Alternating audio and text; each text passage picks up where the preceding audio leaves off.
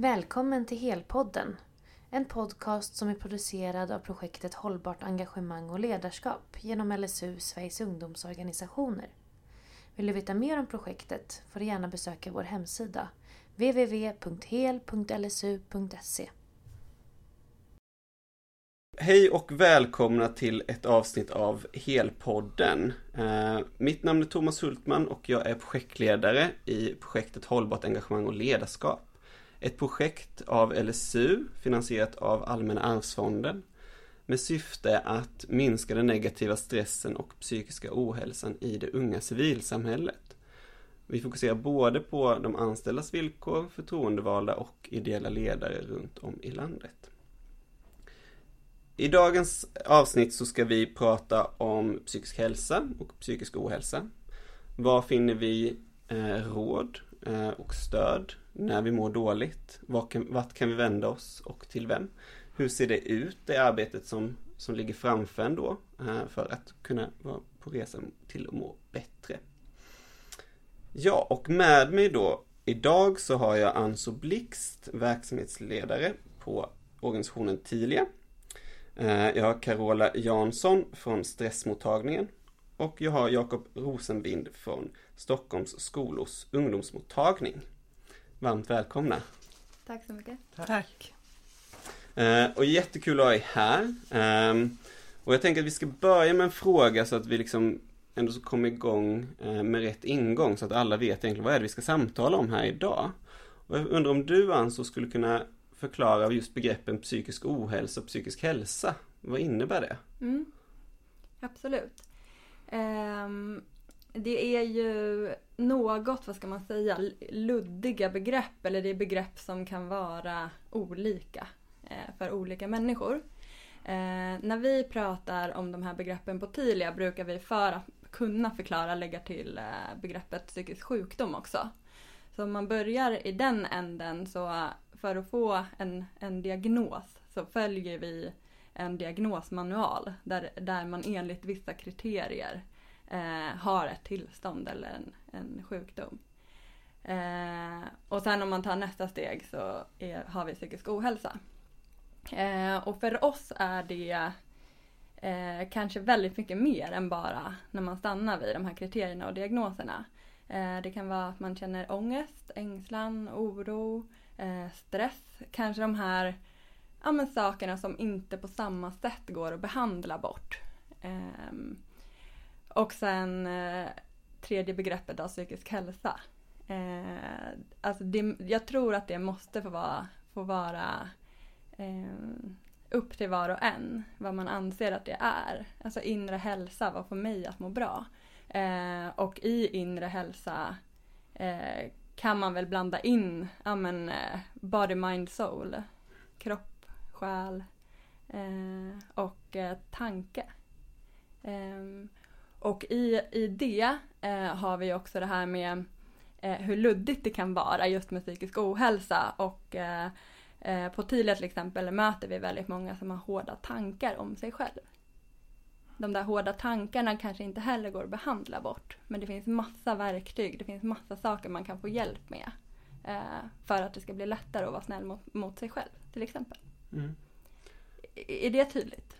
Ja men jag, jag tycker inte. det. Mm. Är det mm. någon som har en eh, tillägg? Kan inte du bara definiera hårda tankar? Um, säga att man är väldigt självkritisk till mm. exempel. Att uh, när saker går fel uh, så tänker man att det där beror ju bara på mig. För att jag inte förstår mm. eller jag är, är, är dum. Uh, känner man sig stressad så är det för att jag inte klarar av det. Alla andra verkar ju kunna mm. sköta sin vardag. Varför kan inte jag det? Mm. Sådär, ja men höga krav liksom. Så jag tänker att vi ska ta nu och berätta vilka vi är som sitter här i rummet egentligen. Uh, och jag tänker att vi kan fortsätta med dig Anso. Uh, mm. Skulle du kunna berätta vem du är och lite mer om Tilia och hur ni jobbar just med psykisk ohälsa? Mm. Um, nej men jag jobbar som, jag grundade föreningen Tilia för ungefär sex år sedan, uh, år 2012 och jag jobbar där idag som verksamhetsledare. Eh, och eh, Tilia är en organisation som finns för alla unga mellan 12 och 30 år. Eh, de vanligaste åldrarna som hör av sig till oss är ungefär 16 till 24. Ehm, och ehm, anledningen till att jag grundade Tilia var att ja, men jag var engagerad på ganska många olika plan. Ehm, och hörde från väldigt många unga att varför finns det bara inget mellanting? Det, man måste vara så sjuk för att få hjälp. Man måste hinna börja må så dåligt. Ehm, varför är bara vården svaret? Och varför är liksom trösklarna så höga? Ehm, och det där fick mig att börja fundera när jag hörde det liksom hela, hela tiden. Um, och eh, då fanns det ganska mycket organisationer för tjejer som är jätte, jättebra att de finns. Men det fanns inte så mycket för eh, annan, eh, om man är, har annan könstillhörighet. Um, det fanns ganska mycket stödchatter men inte så många som hade öppet fredag lördagkvällar. Då många unga tyckte att så här, men det är då jag behöver stödet som mest. Eh, och idag då så är vi en verksamhet som finns varje kväll i en stödchatt. Eh, och där har vår ledstjärna är att unga själva får önska hur stödet ska se ut.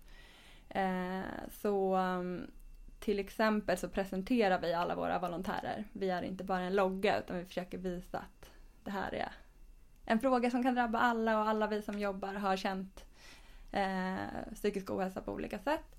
Eh, och eh, förutom chatten så finns vi, eh, vi utökar vårt stödtider, andra tider som kan, kan vara jobbiga.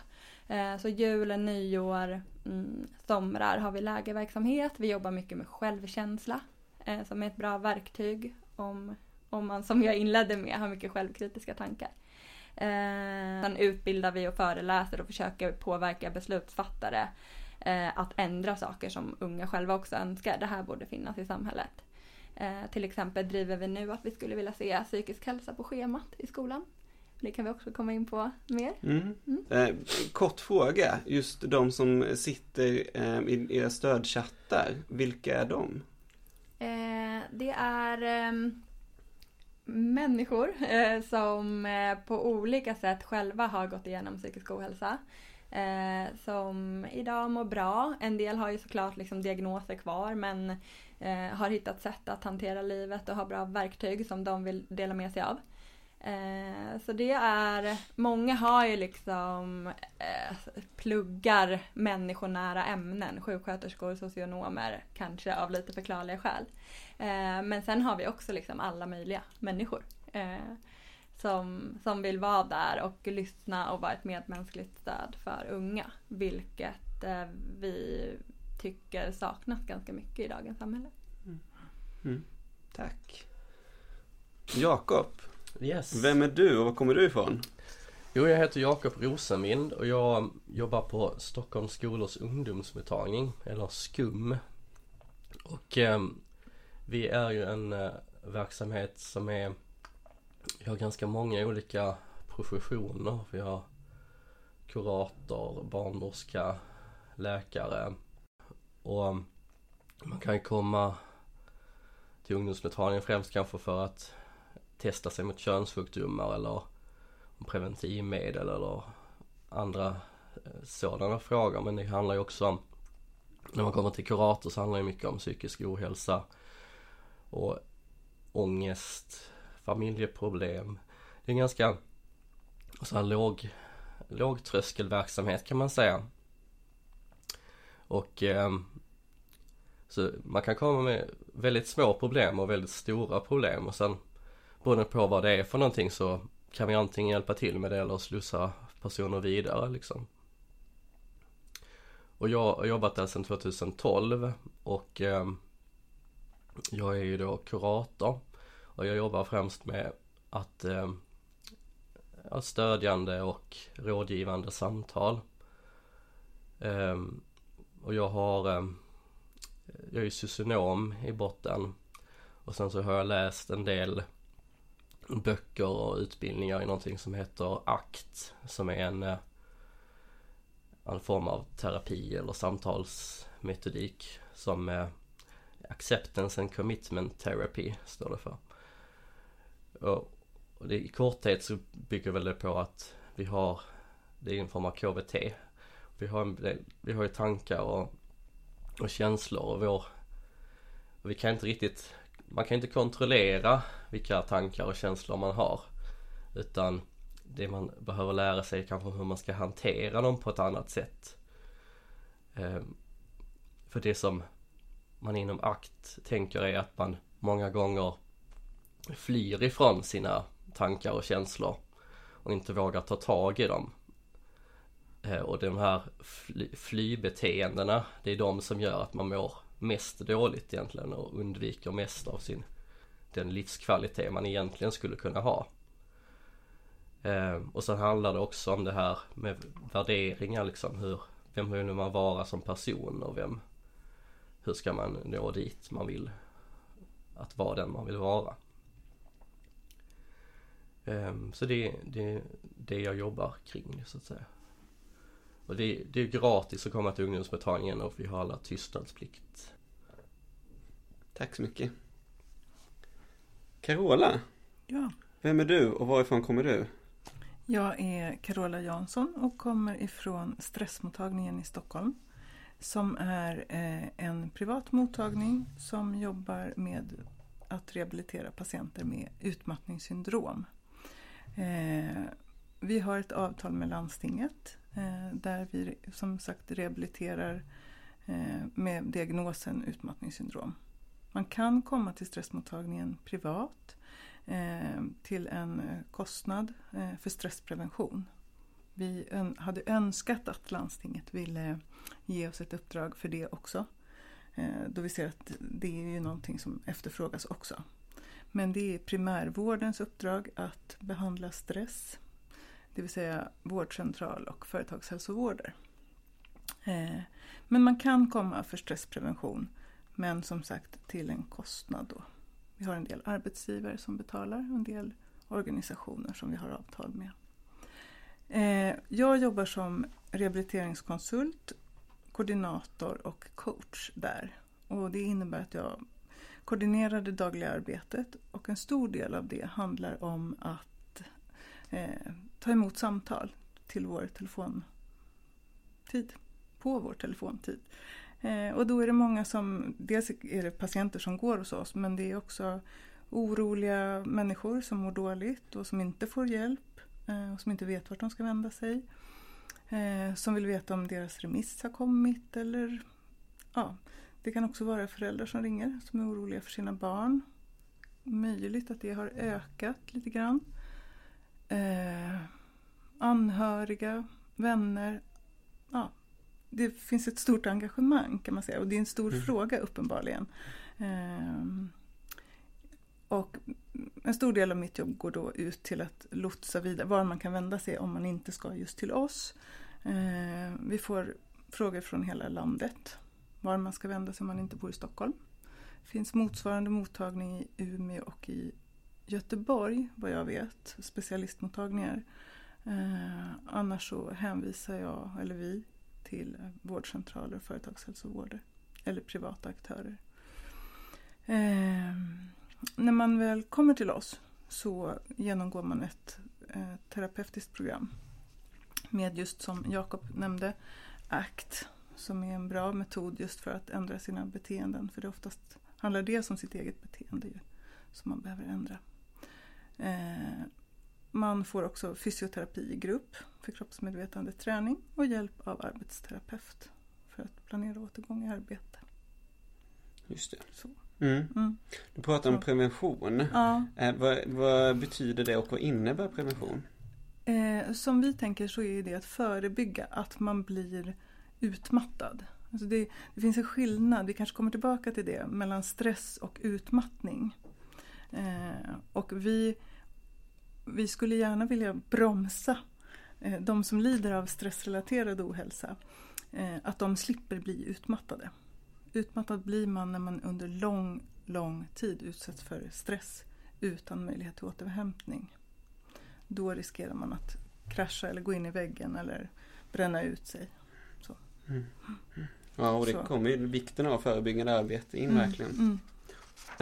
När mår en person då tillräckligt dåligt för att man faktiskt ska få hjälp eller när man ska söka hjälp? Nej men jag tänker att när man inte känner igen sig själv. När man inte känner att man inte klarar sin vardag. Eh, och när man känner att det är för mycket och att man inte klarar men, att sortera vad som är vad. Eh, och jag tänker om man, om man pratar om stress så är det ju när det är för mycket. När man inte känner att man har koll. Eh, och, och, så kan det ju vara i korta perioder. Så det känner vi säkert igen oss alla i att, att det kan vara så att nu har jag så mycket att göra och det är så rörigt och så. Men man kan ändå sortera och på något sätt göra en sak i taget och så lugnar det sig. Men när det blir så över tid, alltså när man känner att, att allt blir liksom för mycket, man har som liksom knappt näsan över vattenytan.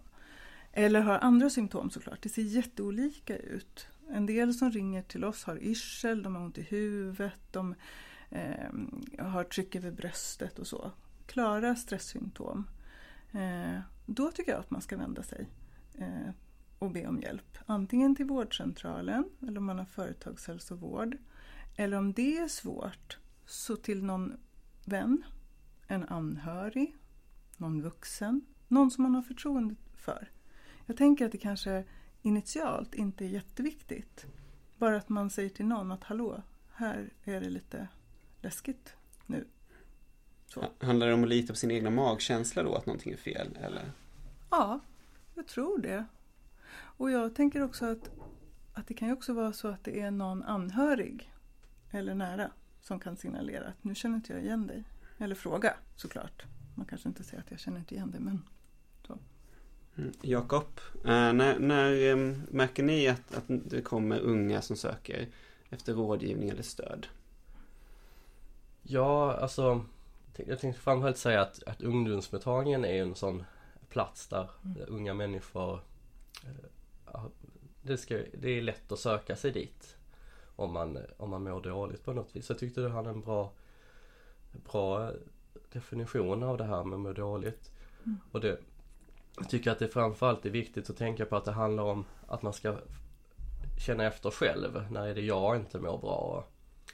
Eh, eh, att man ska inte tänka på hur, hur är det för alla andra mm. så, utan man ska bara jämföra med, med sig själv. När är jag som jag brukar vara eller mår jag lite, lite sämre än vanligt? Um, och det, man kan fråga en vän först eller sin förälder eller. Absolut. För oss handlar det ju mycket om Det är jättemycket ungdomar som söker för stress eller för ångest eller relationsproblem eller ja, familjerelaterat. Och allt detta, är det legitimt att söka stöd för just de, de frågorna du precis All, lyfte? Allt är ju legitimt att söka hjälp för, är väl det som jag skulle vilja säga. Alltså, det är ju det man själv som individ som avgör vad som är legitimt att söka för. Och speciellt till en plats som ungdomsmottagningen eller vårdcentralen. Alltså det är ju, det är ju, jag tycker det är fel om det är någon som kan neka en till det. Utan det är väl snarare om man behöver någon form av mer avancerad vård eller så. Där det kanske finns kriterier och så. Men till just ungdomsmottagningen så, så får man, är all, all, allting legitimt så att säga.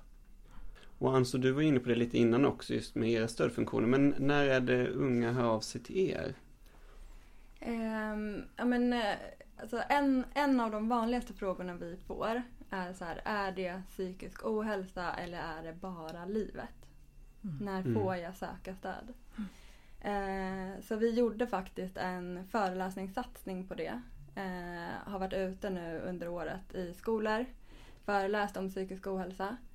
Eh, och då har vi föreläst med syfte då att eh, Ehm, ja, men utbilda i att psykisk ohälsa kan vara mer än bara sjukdom. Ehm, och när vi har kommit till skolorna så har elever då fått fylla i vad är psykisk ohälsa och när, när kan man söka hjälp. Ehm, och då har 97% svarat att det måste vara att man har självmordstankar, att man har en ätstörning, att man har en depression. Och efter föreläsningen har samma procentsats, 97% sagt nu förstår jag att jag kan söka hjälp när det känns oroligt. Nu förstår jag att jag kan söka, att jag liksom har rätt till någon som lyssnar på mig även när jag kanske kan, alltså när jag bara då inom citationstecken kommer och säger så här, det känns så jobbigt men jag vet inte varför. Eh, så liksom inom hela det här spektrat hör unga av sig till oss om. Liksom. Det är vitt och brett.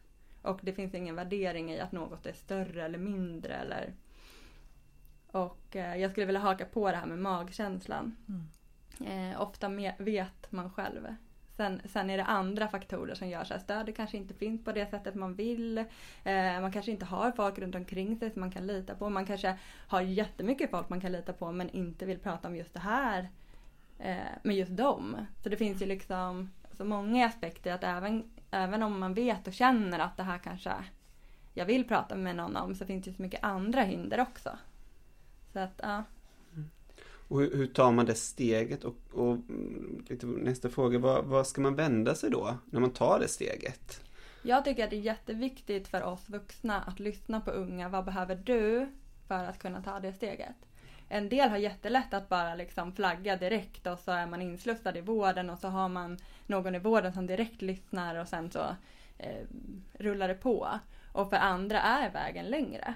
Eh, så det, det, det finns massa bra stöd i samhället. Så det vi har gjort är eh, att försöka eh, visa på och berätta om psykisk ohälsa på andra sätt än kanske 1177 som skriver mycket kriterier liksom. Och, och lite mer, vad ska jag kalla det, hårdare värden även om det behövs ju också. För att man ska kunna skilja hälsa från ohälsa. Eh, så vi har valt att ta greppet att på våran eh, sida då där vi berättar, den heter känslor om. Eh, och så har vi tagit upp ja, men allt det andra, hopplöshet. Mm. Eh, inte ätstörningar utan kanske så här kroppen, tankar om kroppen, ideal eh, och så vidare då. Eh, så för att unga, och det känner jag också kanske inte bara är unga utan alla vi människor eh, ska våga så kanske vi alla behöver prata och berätta mer. Eh, vi har valt att ha en podd där vi pratar om de här sakerna. Typ, eh, så att det finns så många steg eh, vi vuxna kan hjälpa och höra in unga hur de skulle vilja ha det. Göra det och sen så får vi ju hjälpa till då.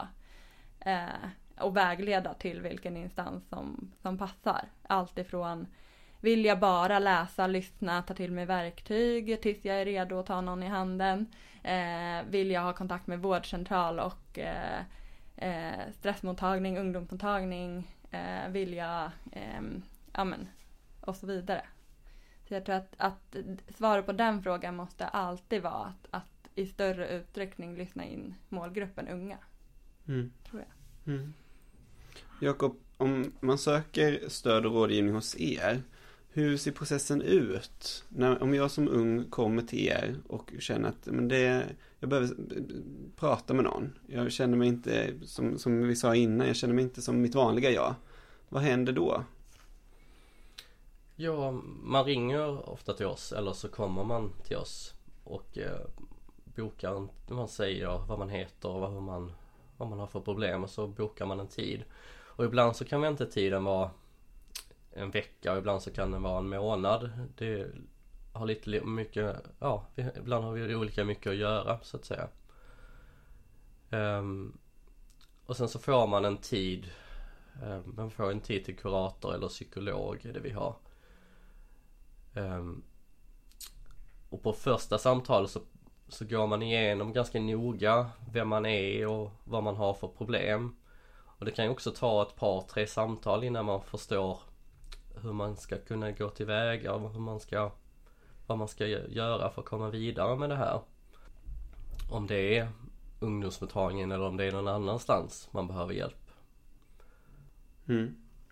Um, och just det där med, med vad, vad skulle du säga att det finns för ställen att lotsa vidare personer till? För att få liksom ett, ett, och kan man alltid räkna med att få stöd och hjälp när man söker det? Um, man, då handlar det om ofta att man remitterar till olika eh, Eh, beroende på vad det är för något problem. Det är ångestmottagning, psykisk, alltså psykiatrin eller unga vuxna. Eh, det finns ju massor med olika instanser beroende på vad det handlar om. Eh, och nej, det är absolut inte så att man kan vara säker på att man kan få hjälp någon annanstans. Men då tar vi ju alltid tillbaka personen och ser hur vi ska gå vidare med det.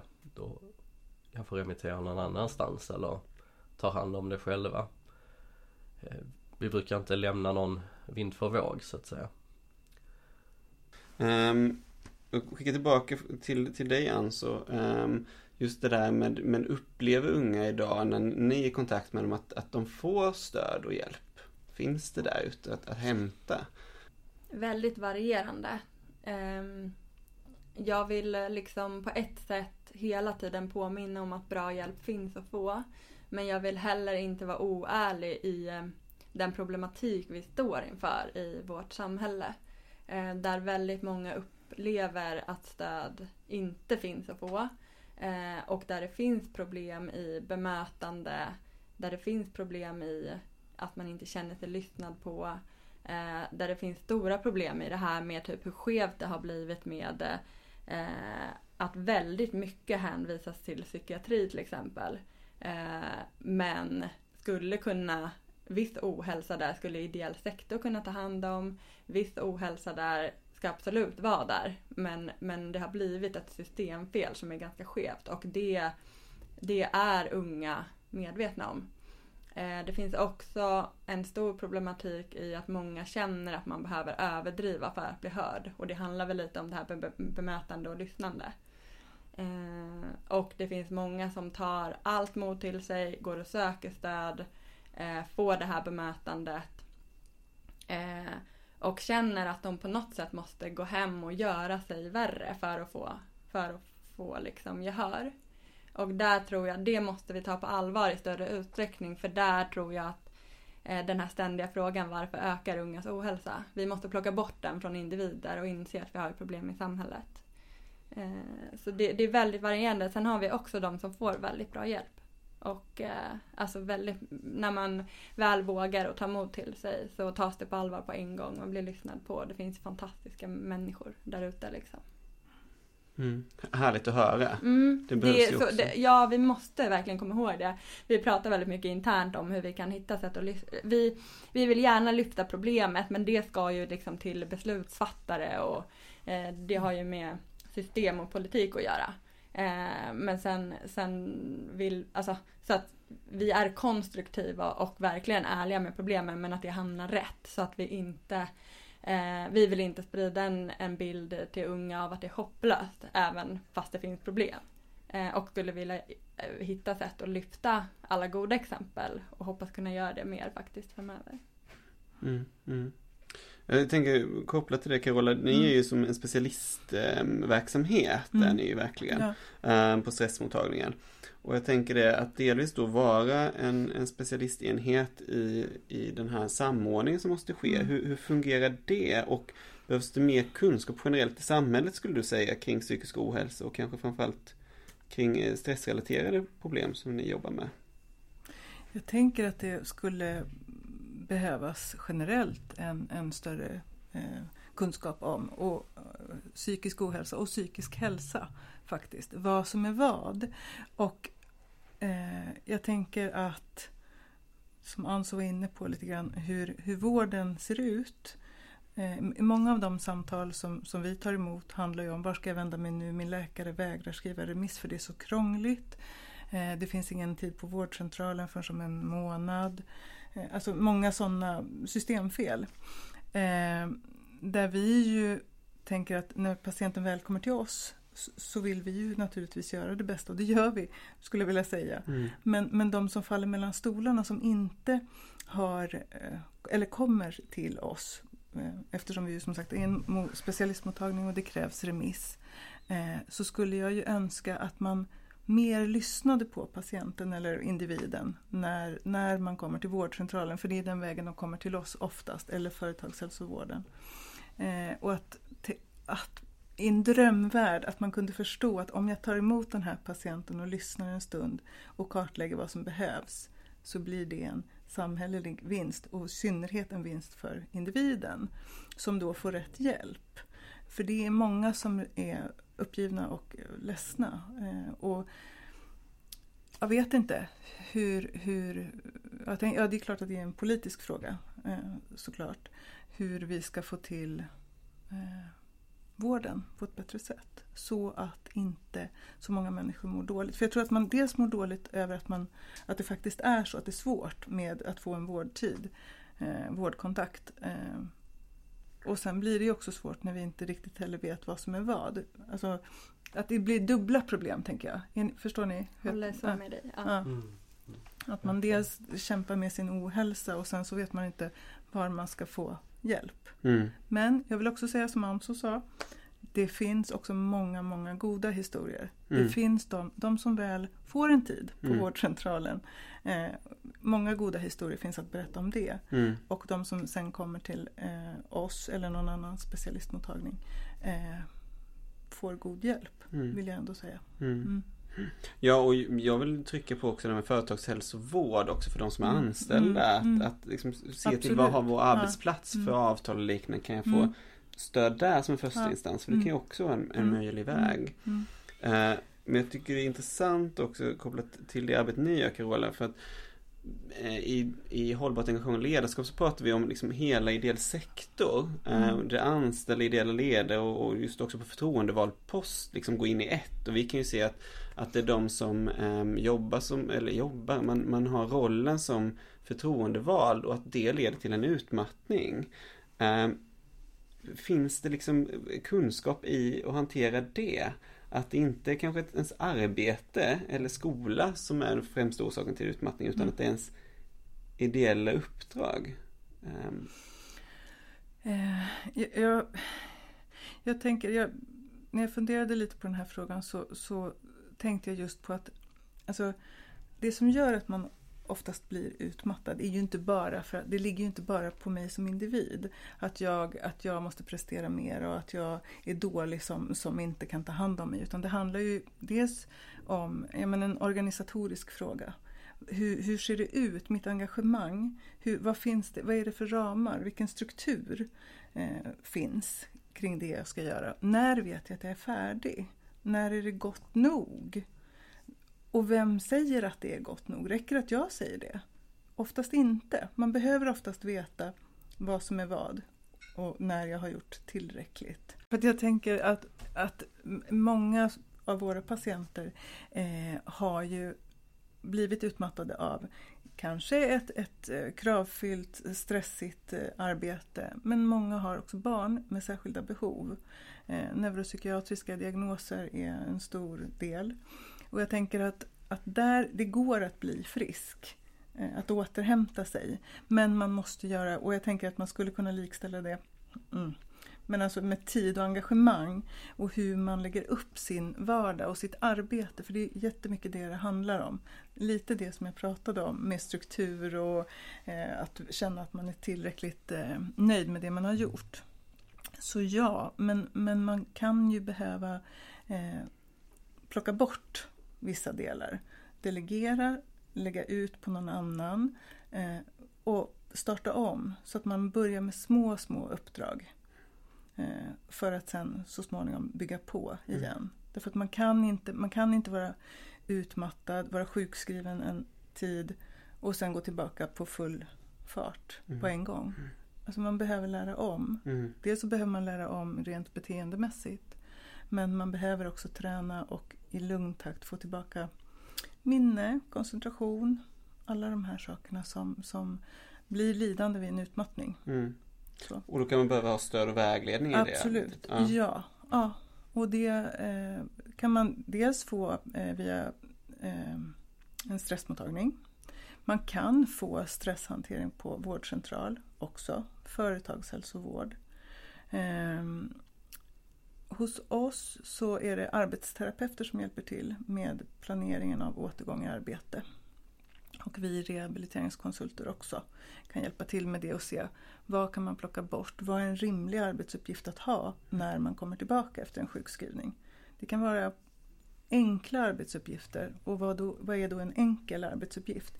Ja, det beror på vilket symptom som är liksom eh, har man grava koncentrationssvårigheter eller ljudkänslighet så kanske man behöver, kanske man inte kan sitta i öppet landskap. Man behöver en anpassad återgång.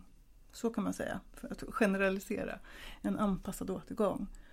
Så, så att man kan inte komma tillbaka, hej jag är tillbaka nu och så börjar man där man slutade. Det låter som det behövs ganska mycket teamwork. eh, För Ja, att, för att få det ja, att funka när man ska ja, komma tillbaka. Ja, det är, Mm. alltså, en absolut förutsättning är ehm, en chef gärna eller en klok medarbetare. Någon som finns och som kan backa upp. För har du varit utmattad och kommer tillbaka så vill du ju gärna tillbaka och det ska bli som förr. Många är jätteoroliga. Kommer jag bli mig lik? Kommer jag kunna jobba igen? Och vill då, ska du då jobba två timmar så är det jättelätt att tänka att nej men jag ska bara. Och så vill man inte gå hem. Då är det bra att man har en chef eller kollega som säger nu är din tid för idag över. Vi ses imorgon. Så att man håller på det. Så. Mm. Det här var det första avsnittet om att möta psykisk ohälsa. Nästa avsnitt, som också är det sista på temat, släpps inom kort. Där kommer deltagarna att prata mer om förebyggande arbete i organisationer, skillnader mellan psykisk hälsa och psykisk ohälsa och hur man kan försöka leva i stunden för att minska stress. Välkomna tillbaka då!